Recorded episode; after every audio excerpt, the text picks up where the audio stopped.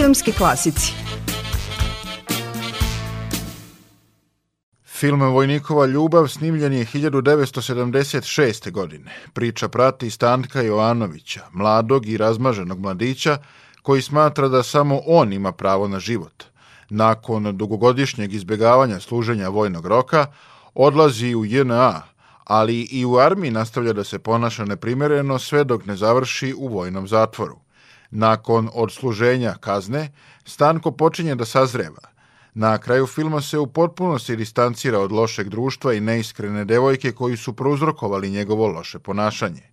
Stanko je postao bolji tek kada je ojačao kao ličnost.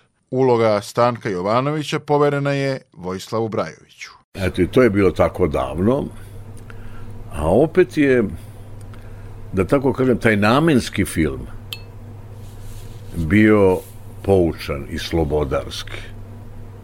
Jel?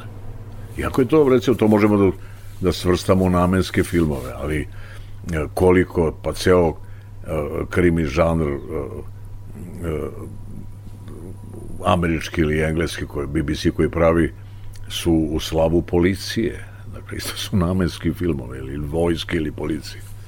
Dakle, taj film je nekako, eto, nije zaboravljen, što je zanimljivo. Ja nisam verovao tada kada smo to radili da će to uopšte ostati neki trak sa njima, ali ipak je ostalo. Poučno je taj odnos između, između vašeg lika i devojke, te kako je to da, sve na kraju. Vojske, kako, da. ga je, kako ga je društvo, ne mora znači da je jedna, nego društvo je li uh, usmerilo na pravi kolose. Da. Mnogih filmovi koji se snimaju isključivo u čast određenih institucija, kao što su policija, hitna pomoć, a u ovom slučaju vojska ne ostave veliki trag u kinematografiji. Takav slučaj nije sa filmom Vojnikova ljubav zbog toga što se obraća svim mladim ljudima, nezavisno od toga u kojem društvu žive.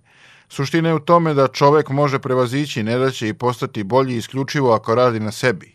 Scenariju za film Vojnikova ljubav napisala je Zaga Marjanović, a režirao je Svetislav Pavlović.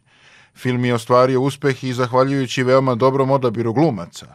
Pored Vojislava Brajovića igraju i Dragomir Bojanić-Gidra, Aleksandar Berček, Bogdan Diklić, Petar Banićević, Dušan Bulajić, Mirjana Nikolić i mnogi drugi.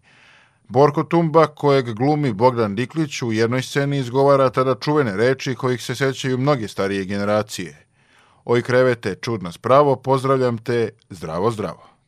Filmski klasici